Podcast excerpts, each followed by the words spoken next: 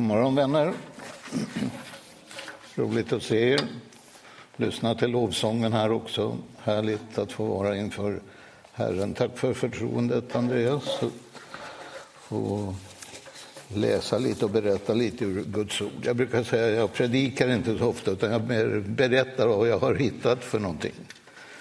Och när Andreas ringde mig ett bra tag sedan och frågade om jag ville vara med i serien så tala om något namn och vilket namn som skulle ligga överst eh, på sinnet liksom så gick jag och funderade lite på och så tänkte jag Elisa är ju en spännande människa. Och eh, det som Elisa fick eh, uppleva det var ju ett, som ett föredöme för oss idag. Så det blev mitt val, Elisa.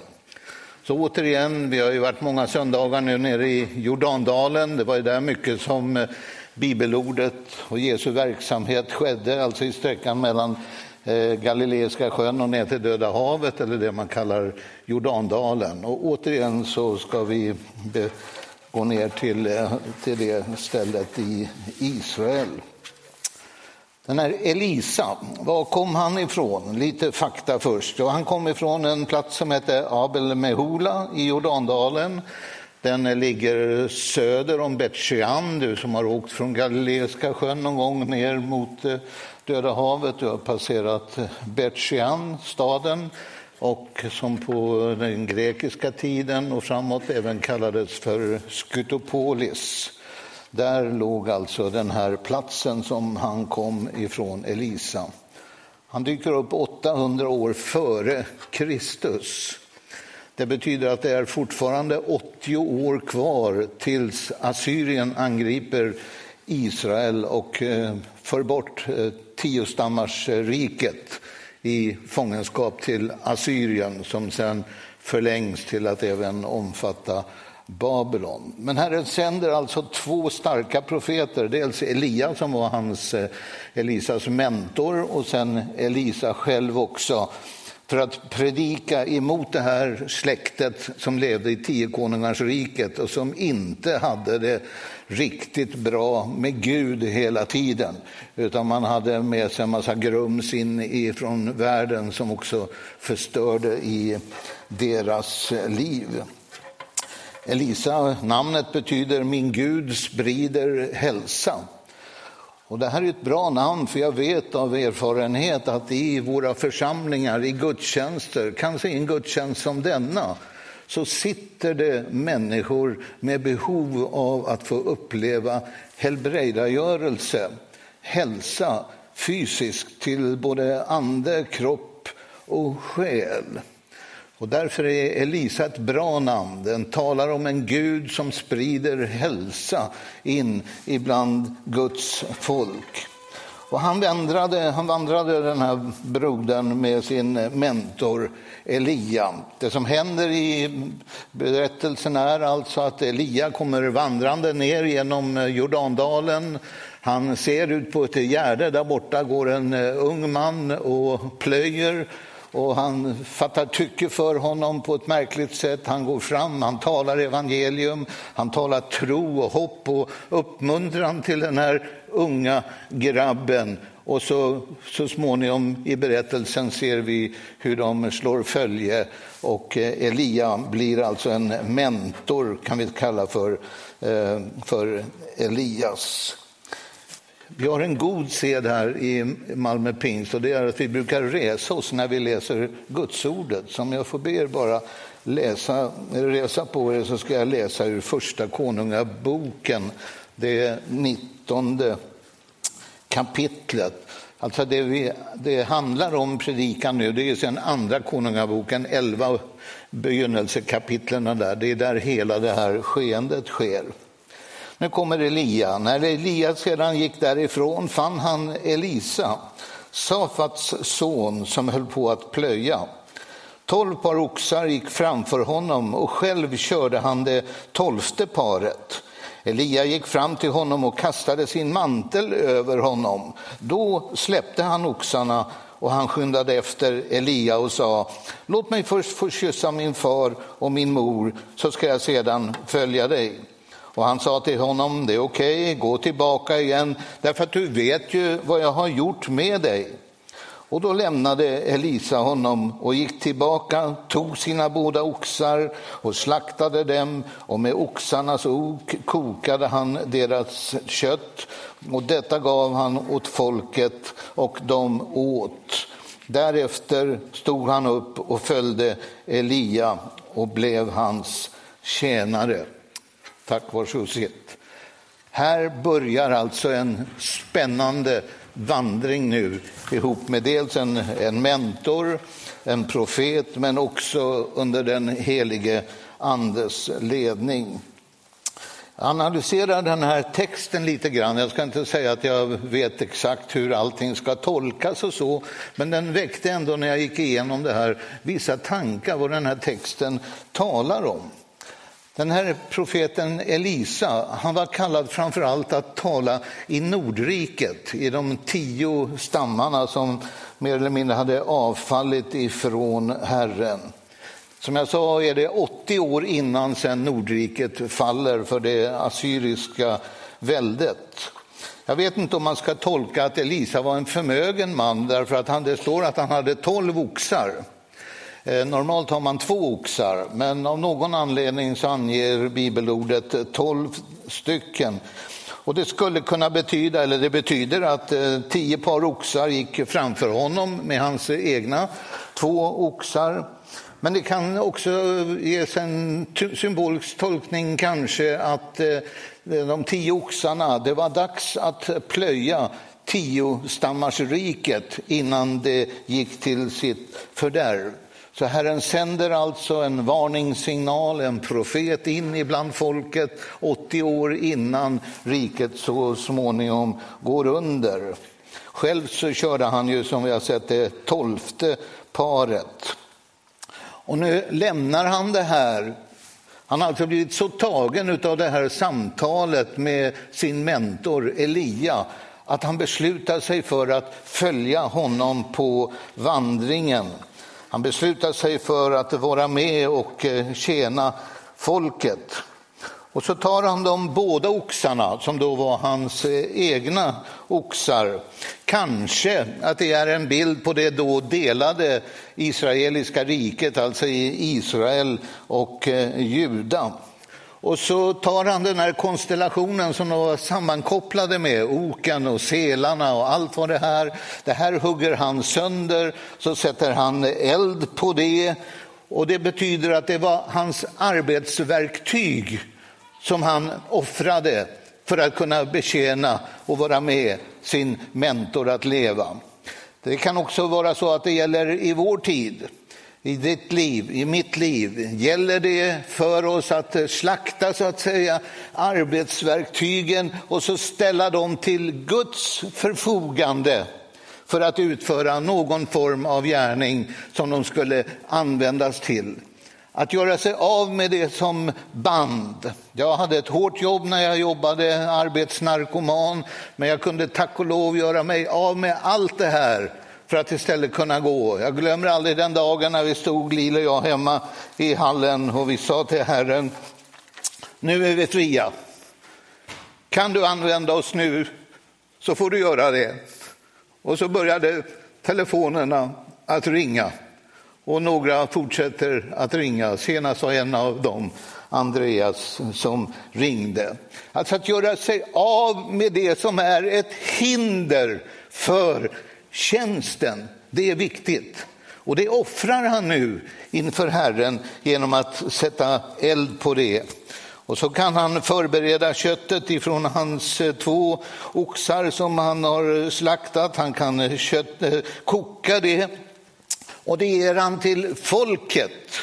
För att folket skulle få uppleva befrielse ifrån hunger och sådär så offrar han det och eftersom det var två stammar så kan jag tänka mig att det är, hans budskap är för hela det dåvarande Israel och Juda du, eh, gemensamt. Och så Elias eh, hälsning till honom enkelt. Det här borde vi fundera på ibland. Du vet ju vad jag har gjort med dig. Vad hade han gjort med honom? Ja, han hade enkelt sett bara, bara inom citat lagt hans mantel över honom. När vi analyserar hela den här berättelsen så förstår jag alltså att Elia hade lagt den helige ande över Elisas liv. Och det är därför han säger, du vet ju vad jag har gjort med dig. Och han säger till eh, sin mentor, kan jag inte få gå hem bara och säga adjö till pappa och mamma och allt det här praktiska. Ja visst, gör det, det får du göra. Därför att du vet ju ändå vad jag har gjort med dig för någonting. Och då är frågan densamma till dig. Vad har Jesus gjort för dig?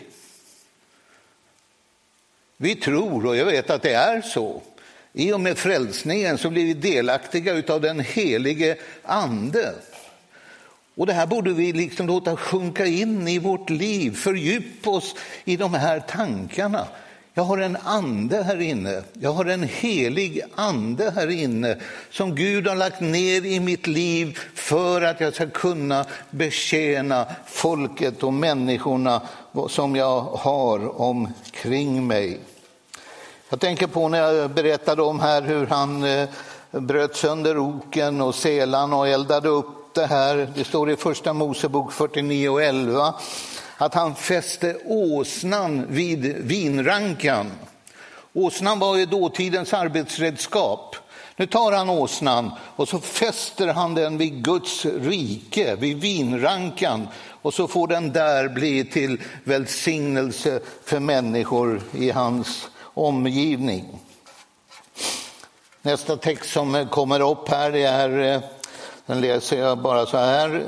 Elia tog sin mantel, han vek ihop den och han slog på vattnet och då delade detta sig åt båda sidor och de gick bägge igenom på torr mark. När de hade kommit över sa Elia till Elisa, bed mig om vad du vill att jag ska göra för dig innan jag tas ifrån dig.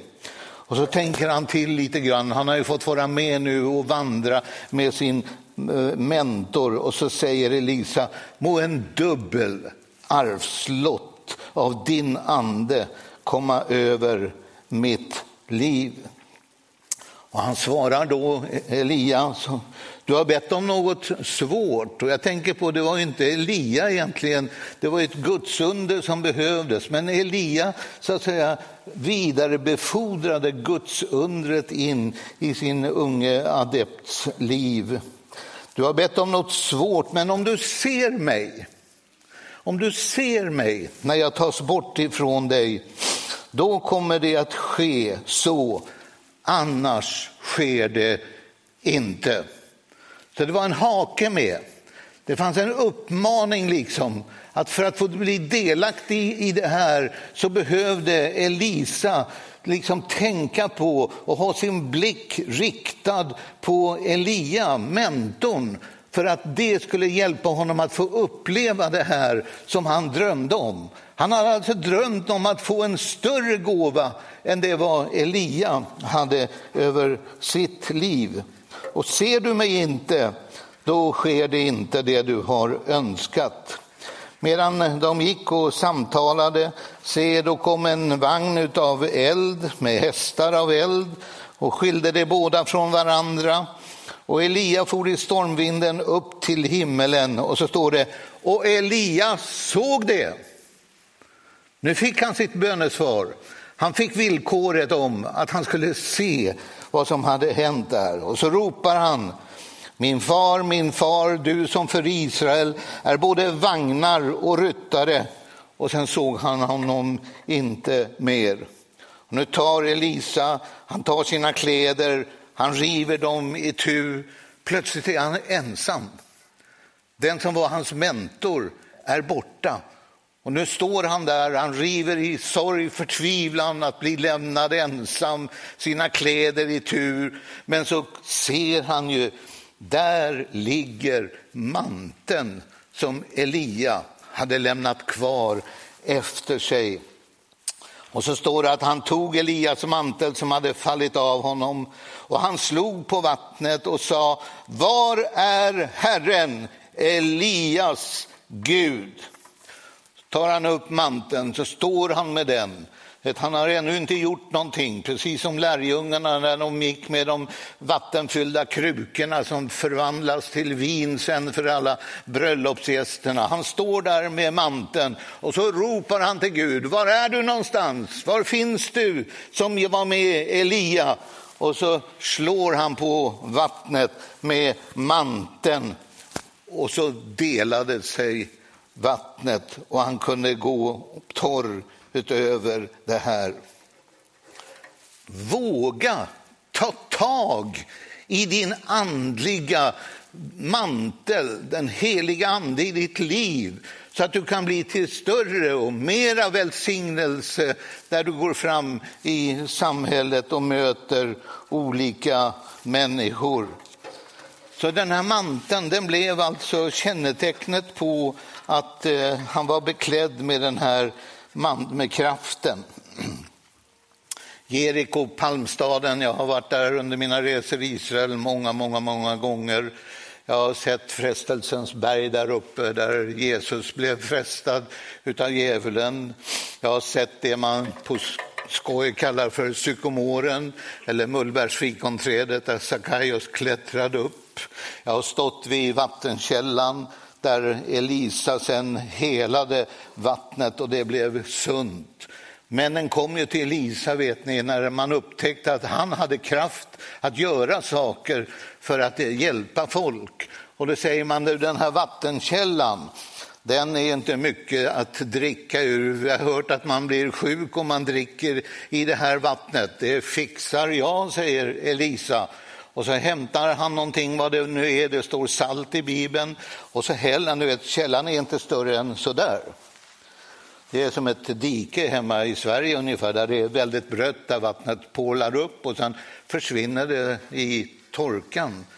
Men där strör han salt i den här källan och plötsligt så blir vattnet sunt.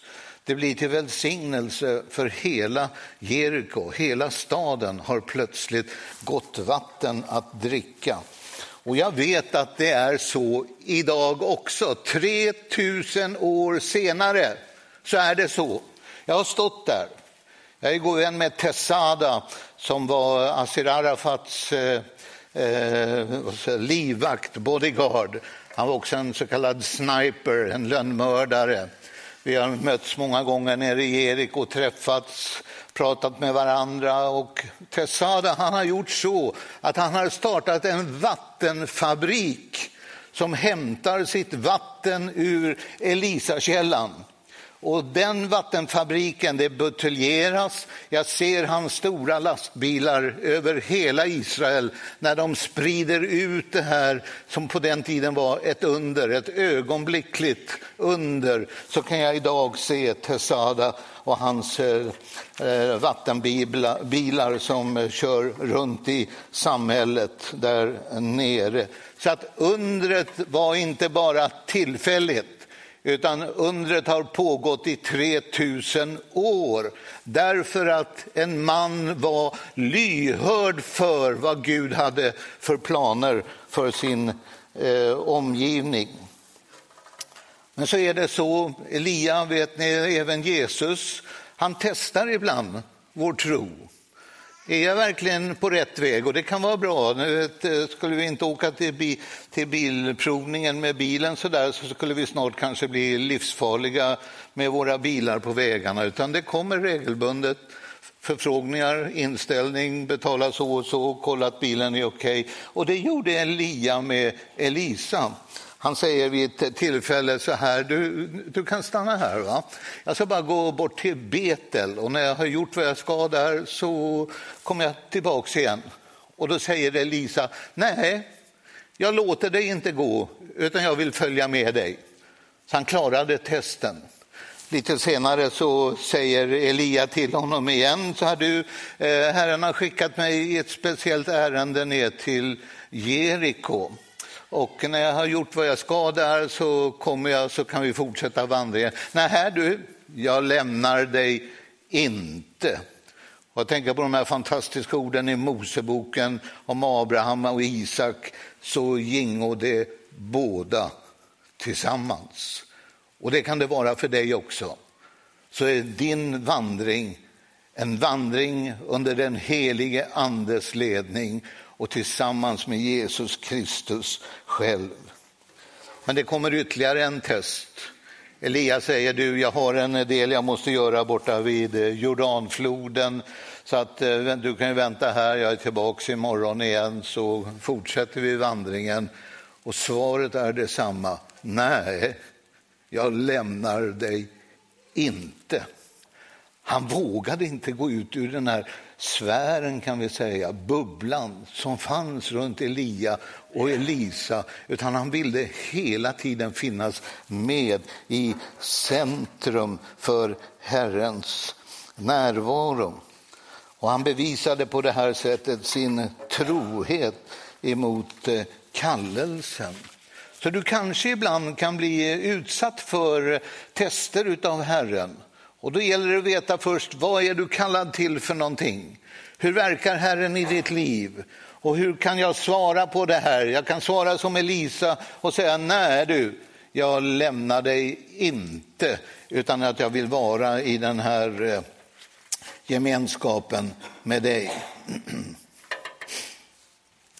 Elia han fick sen, jag tog en kopia på det så jag har det där nere i soffan eller i stolen där nere. Elia vet vi, han gjorde åtta underverk. Och vad det gäller Elisa så finns det 16 underverk citerade om vad han gjorde eh, under sin vandring. Till och med efter att han hade dött, graven ännu var öppen och man skulle gömma en, en människa nere, så man slängde ner honom i graven. Han fick kontakt med Elisas eh, kropp och ben och mannen som han hade lastat ner i den öppna graven plötsligt fick liv igen och kunde stå upp och leva vidare. 16 underverk. Han hade bett om att få ha en dubbel arvslott i eh, sitt liv till välsignelse för människor. Och min, min fråga till dig, en enkel fråga. Vad ber du om?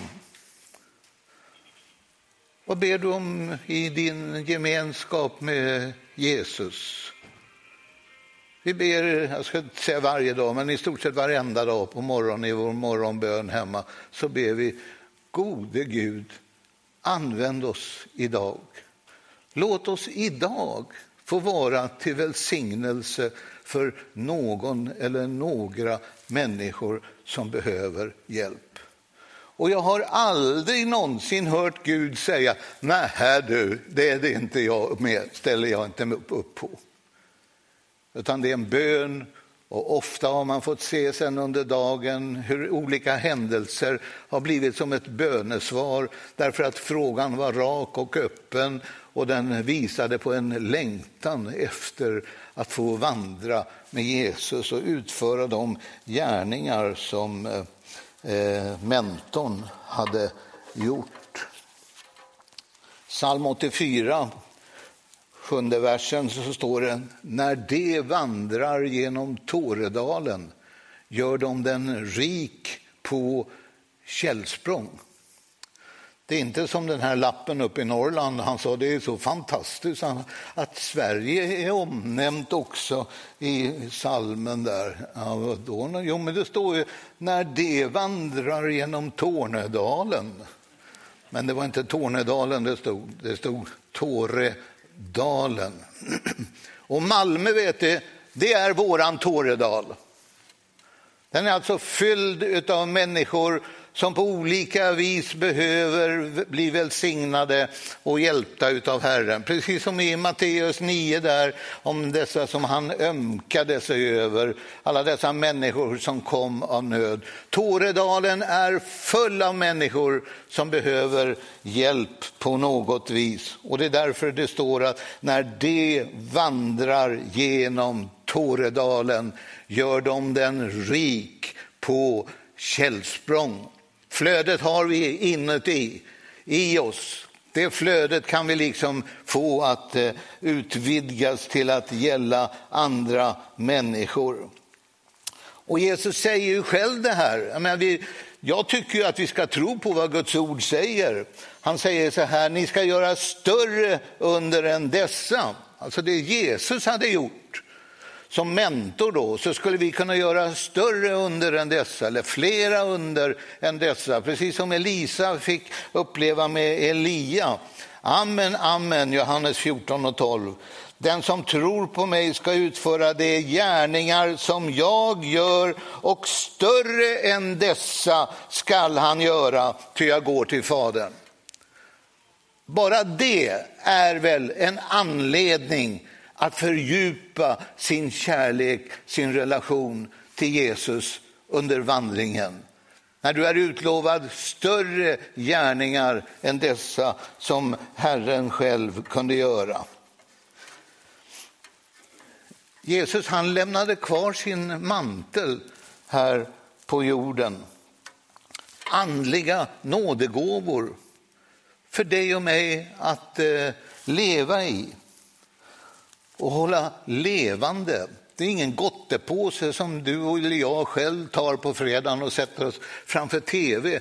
Det är en påse full av härlighet och välsignelser som Gud har gett oss för att vi ska kunna dela ut ibland folk. Och så har vi olika uppgifter i församlingen att göra det på.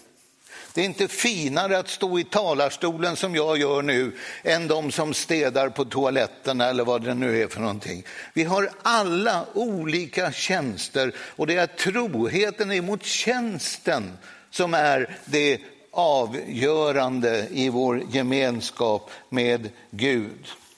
Så att precis på samma sätt som Elia lämnade kvar sin mantel på Jordanstranden så att Elisa kunde ta upp, föra, ta upp den och, och eh, utföra större under än dessa. Precis likadant är det när Jesus lämnade kvar den helige Ande till dig och mig för att använda i vår tjänst. Om jag hade haft ett glas vatten, nu hade jag inte det här, tänkte inte illustrera det, men om jag hade haft ett glas varmt vatten här nu och hade haft en tepåse i innerfickan och doppar i den där tepåsen i vattnet. Vi tänker att tepåsen är en bild på den heliga ande och så doppar jag ner den heliga ande i min kropp så är det inte så att den heliga ande eller tepåsen, det bruna i vattnet, kommer fläckvis så här. Nej, det täcker hela vattensammanhanget så fylls det av den helige ande. Man får alltså inte bara delar så att säga. Det är inget lapptäcke där jag får någonting eh, speciellt kanske eller så. Utan man får den helige ande. Det står om, om eh, ja det kan, kan jag ta sen. Va? Jag skrev här att smutta inte på den heliga ande. Sitt inte och surpla lite grann så där i glaset eller kuppen. Smutta inte på det, utan töm koppen så att du blir uppfylld av den heliga ande i din tjänst för Herren. Låt den heliga ande få påverka ditt liv. Och hur mycket den får göra det, det är du själv som avgör. Det har med kallelsen att göra. Vad du känner för kallelsen, hur du jobbar med att utveckla din kallelse i Guds rike. Eller är det någonting, jag gör, jag gör det någon gång, eh, någon gång i kvartalet så går jag till kyrkan och så har vi någon fest där, jag brukar gå där också. Man smuttar inte på den heliga ande, vänner. Man tömmer glaset. Man längtar efter att bli uppfylld av den helige ande. I vår moderna tid så eh, finns det olika bilmodeller. Jag brukar ta det här för jag tycker själv, men det är bara min intelligens, så jag fattar inte annat. Men det finns olika bilmodeller och det finns olika bilar och det finns olika motorer. Det finns bensinare och det finns eh, dieselbilar och det finns eh, elbilar.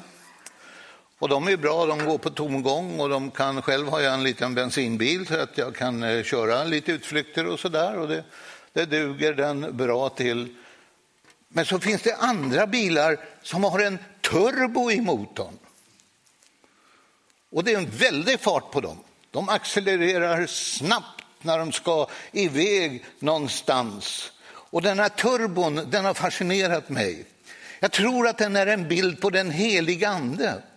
Man kan alltså ha en motor, så den heliga ande, i mig i bilen. Jag kan ha en vanlig motor, det går att köra med och den eh, finns där även på tomgång så funkar den.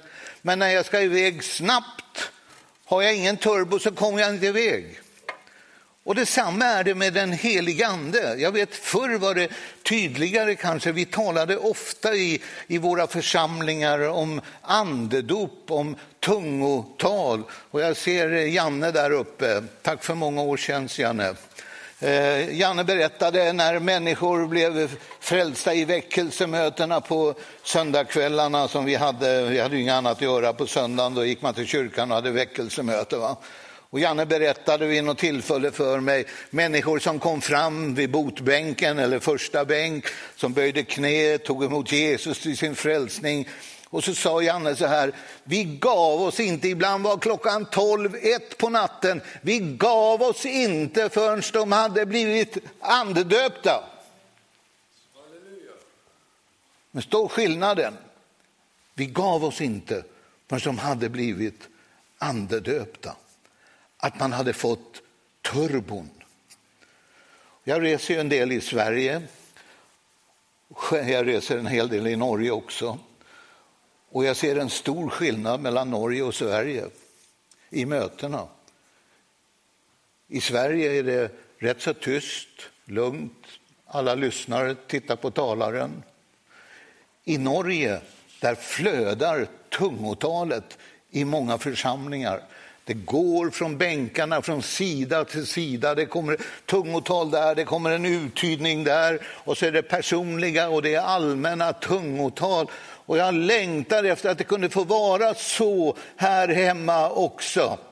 Det är sådana tungotal med uttydning som har lett Lil och mig genom vårt eh, liv samman med Herren. Ord i rättan tid har kommit ett tungotal och så har Eh, översättningen kommit och så har det varit ett exakt svar på det vi hade frågat Herren om. Han hade en bekant, eller har, vi har inte träffats på många år. Han var på väg från Malmö upp till Stockholm. Och så säger han till sin fru i bilen så här, du, jag är så trött och jag är så sliten så jag känner mig precis som att jag går runt i en öken och jag kommer ingen vart. Det är söndag. De närmar sig Jönköping. Han tittar på klockan och säger du, vi är faktiskt lite tidigare, tidiga. Ska vi inte åka in till Jönköping och vara med på gudstjänsten där? Jo, det gör vi. Vi har tid. Och vilt främmande kommer man in i gudstjänsten i Pingstkyrkan i Jönköping. Man sitter där, känner kanske inte många människor överhuvudtaget. Och plötsligt så kommer det alltså ett tungotal. Och hela församlingen lyssnar. Vad är meddelandet till församlingen? Eller är det till en privatperson? Och så kommer uttydningen. Till dig, säger Herren, du som säger att du är trött och sliten och upplever att du går runt i en öken och inte kommer någon vart. Till dig säger Herren, så här och så här är lösningen. Tänk att få upp vår tro på den helige Ande på ytterligare en nivå. Turbons nivå. Jag har hört om, jag var inte själv med på den tiden, men när Levi Petrus var föreståndare i Philadelphia kyrkan i Stockholm så bjöd man in speciella förkunnare från Amerika. Någon hette Friedman, tydligen en känd broder på den tiden. En annan som jag kunde namnet på var Catherine Kuhlman. Man höll helande möten för människor och folk kom fram i skaror för att få möta Jesus och ta emot kraften ifrån honom. Efter de här kampanjerna sa Levi Petrus ungefär så här. Ja, vi hade väl kanske en del synpunkter på liksom det de sa så där. Men, sa han, de visade oss att det fanns en nivå till. Den nivån som jag kallar turbon och där Guds ande kan tränga igenom på ett ännu starkare sätt. Pingsten där nere i Jerusalem när lärjungarna var samlade. Det kom tungor som utav eld på var och en av dem. Och de blev alla döpta i den heliga ande den kvällen där i salen. Och så försvinner Jesus några dygn senare. Och så står det i berättelsen att lärjungarna de var nu samlade i en annan sal och av rädsla för judarna så hade man liksom låst dörrarna och så satt man där och kurade trots att man hade den helige ande levande i sitt liv. Och då under bönestunden där, då kommer den helige ande med en ny översköljning över hela lärjungaskaran som var samlad. Och det är den här andra översköljningen, vänner, som är så värdefull att få del av i ditt liv. Ja, grunden naturligtvis. Men att det inte stannar med det, utan att det finns en annan nivå att se upp till.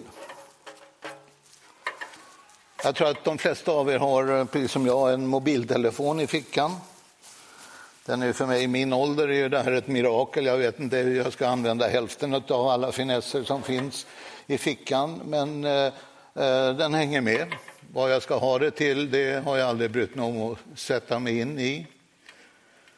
På samma sätt vet du, så har Gud han har laddat ner en app i ditt liv och den appen heter Den helige Ande.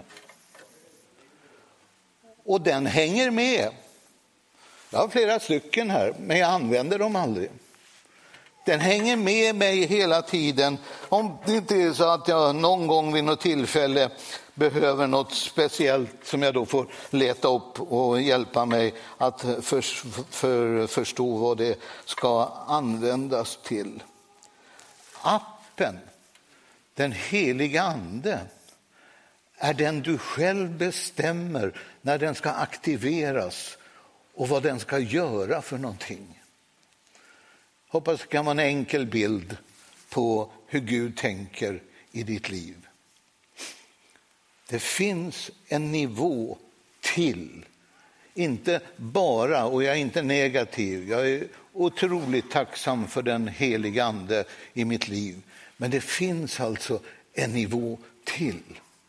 Om vi aktiverade den nivån, eller de nivåerna, för det är inte bara en gåva, det är många gåvor så tror jag att vi skulle lösa en hel del frågor om hälsa och andligt tillstånd och vad det är, både i församlingen och utanför världen. Om vi aktiverade alla de apparna. Nu står han där vid Jordanstranden. Han har manteln i handen. Och så ropar han till Israels Gud. Herre, Herre, du som för Israel är både hästar och vagnar. Och så tar han sin mantel och så slår han på vattnet. Och det fungerade. Det fungerade. Jag ber dig, Herre, Lys över dessa. Vila över alla dessa som sitter här just nu. Hjälp oss att få bli till välsignelse, inte bara för vår egen skull utan framför allt för alla dessa människor som är på väg att gå förlorade. Hjälp oss Jesus att komma in och upp i den här andra nivån där det finns mer att hämta. Hjälp oss att aktivera appen du har lagt in i våra liv, Jesus, så att fler människor kan få uppleva dig som sin personliga frälsare. Rör Jesus vid var och en här i salen. Låt genom de här enkla bilderna, Jesus, appen aktiveras till välsignelse för människor. Jag ber i Jesu namn. Amen. Tack för att du har lyssnat på undervisning från oss i Malmö Pingstförsamling. Så roligt att du tog del av det här. Om du blev berörd på något sätt eller om du fick några tankar eller funderingar eller om du tog emot Jesus så vill vi jättegärna höra från dig. Du kan nå oss via vår hemsida europaporten.com. Där finns kontaktuppgifter till alla våra pastorer, anställda och andra ledare. Du kan också nå oss via sociala medier. På Facebook heter vi Malmö Pingstförsamling. På Instagram heter vi Malmö Pingst. Har du något du vill att vi hjälper till att be för så kan du mejla oss på forbon europaporten.com. Då når du vårt förbundsteam direkt. Tack än en gång att du lyssnade. Hoppas att vi ses framöver på gudstjänst 10.30 på söndagar eller på någon av våra andra samlingar. Känn dig varmt välkommen. Ha det så bra så länge och Gud välsigne dig.